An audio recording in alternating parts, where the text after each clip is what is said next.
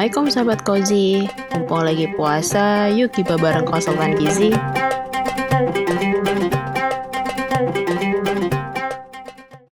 Assalamualaikum. Hai sahabat Kozi Gibah yuk.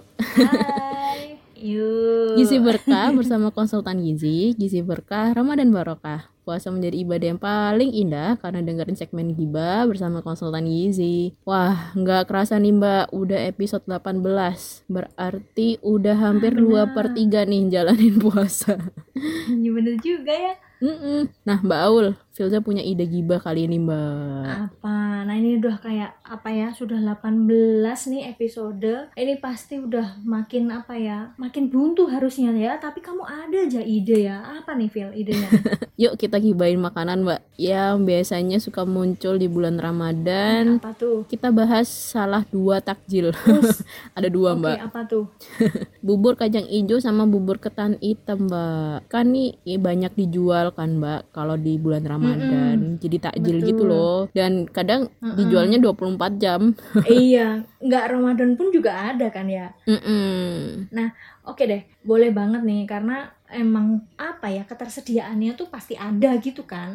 Nah, Benar. sekarang mau bahas kayak gimana nih kalau menurut Filza nih? Nah, gini Mbak, pertanyaan. Menurut Mbak Aul nih, gimana kalau takjilnya itu pakai bubur kacang hijau atau bubur ketan hitam, Mbak? Boleh nggak sih kira-kira? Nah, nih sekarang jadinya aku nanyain sahabat Kozi nih, udah dengerin episode kolak Wah. belum sih? Tanyanya ke sahabat Gozi nih. Heeh dong, udah dengerin episode kolak nggak? Terus eh, atau mungkin yang episode es cendol. Nah, ini sebenarnya mirip-mirip nih, Hmm. Phil.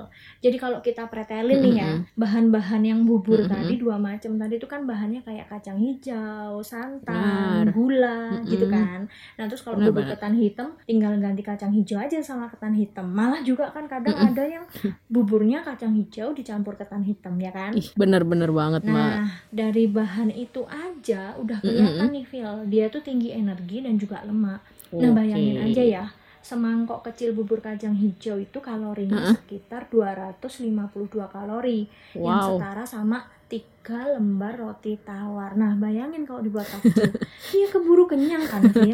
Nah, kalau menurut aku nih, jadi kalau bisa digeser aja, tetap nih sarannya digeser aja setelah makan Oke. menu utama. Kalau di awal, nah nanti malah menu utamanya nggak makan. Ih, benar-benar gede. Gede banget sih itu, Mbak, energinya kalau untuk golongan takjil ya. Jadi emang Mm, betul. jatuhnya bener kayak ini si kolak gitu. Betul. dan memang disarankannya dikonsumsi setelah makan utama supaya kita nggak kenyang duluan. Nah, bener. Oke. Makanya tadi kan aku nanya nih, udah dengerin nggak yang episode kola?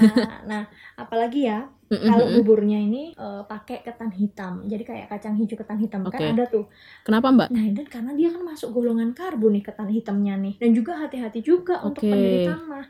Karena kalau buka Heeh. langsung dihajar nih. Biasanya kan kita kalau udah puasa terus sudah azan gitu Oke, kan oke. langsung kayak udah kayak kepingin makan semuanya tuh ya. langsung dihajar deh apa yang ada di meja kan gitu kan. Iya. Nah, istilahnya sama bubur ketan ketan hitam aja nih. Nah, dia bisa meningkatkan asam lambung nih karena dia eh, kayak merangsang asam lambung gitu jadi tinggi. Jadi malah nggak nyaman perutnya. Jadi kayak begah gitu ya Mbak jadinya. Betul, betul banget. kalau udah begah gitu sih ujung-ujungnya bakal males sih kalau makan utama karena udah nggak nyaman sama perutnya. Iya, betul banget. Menarik banget sih Mbak. Terus Mbak, Ya, tipsnya ada nggak sih Mbak supaya sahabat kozi ini bisa menikmati olahan bubur-bubur ini dengan hati nyaman? Karena dalam tanda kutip nih biar lebih sehat gitu Mbak. nah ini lagi-lagi sama nih kayak episode sebelumnya. Jadi hampir sama nih, Phil. Jadi kalau eh, takjil Mm. takjil lah ya kan kalau orang-orang bilang bubur atau sekolah itu kan sebagai takjil kan.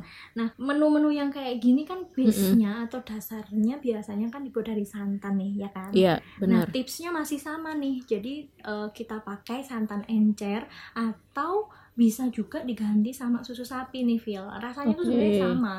Nah, yang terpenting sih lebih baik dikonsumsi setelah makan utama agar nggak kenyang duluan. Benar, benar, gitu. benar.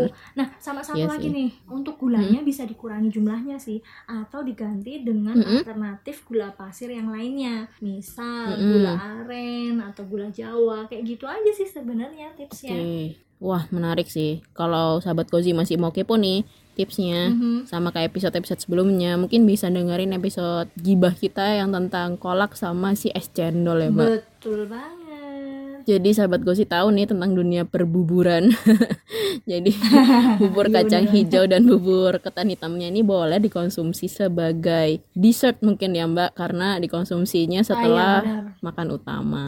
Semoga informasi ini bermanfaat ya bagi sahabat Gozi. Jangan lupa terus dengerin podcast konsultan gizi yang segmen. Gibah, Gizi Berkah bersama konsultan gizi, Gizi Berkah Ramadan Barokah. Puasa menjadi ibadah yang paling indah karena dengerin segmen Gibah bersama konsultan gizi. Sampai ketemu besok bersama Filza dan Mbak Aul. Jadi kami pamit undur diri dulu ya sahabat Gozi. Wassalamualaikum. Salam, jiwa anti mitos dan hoax.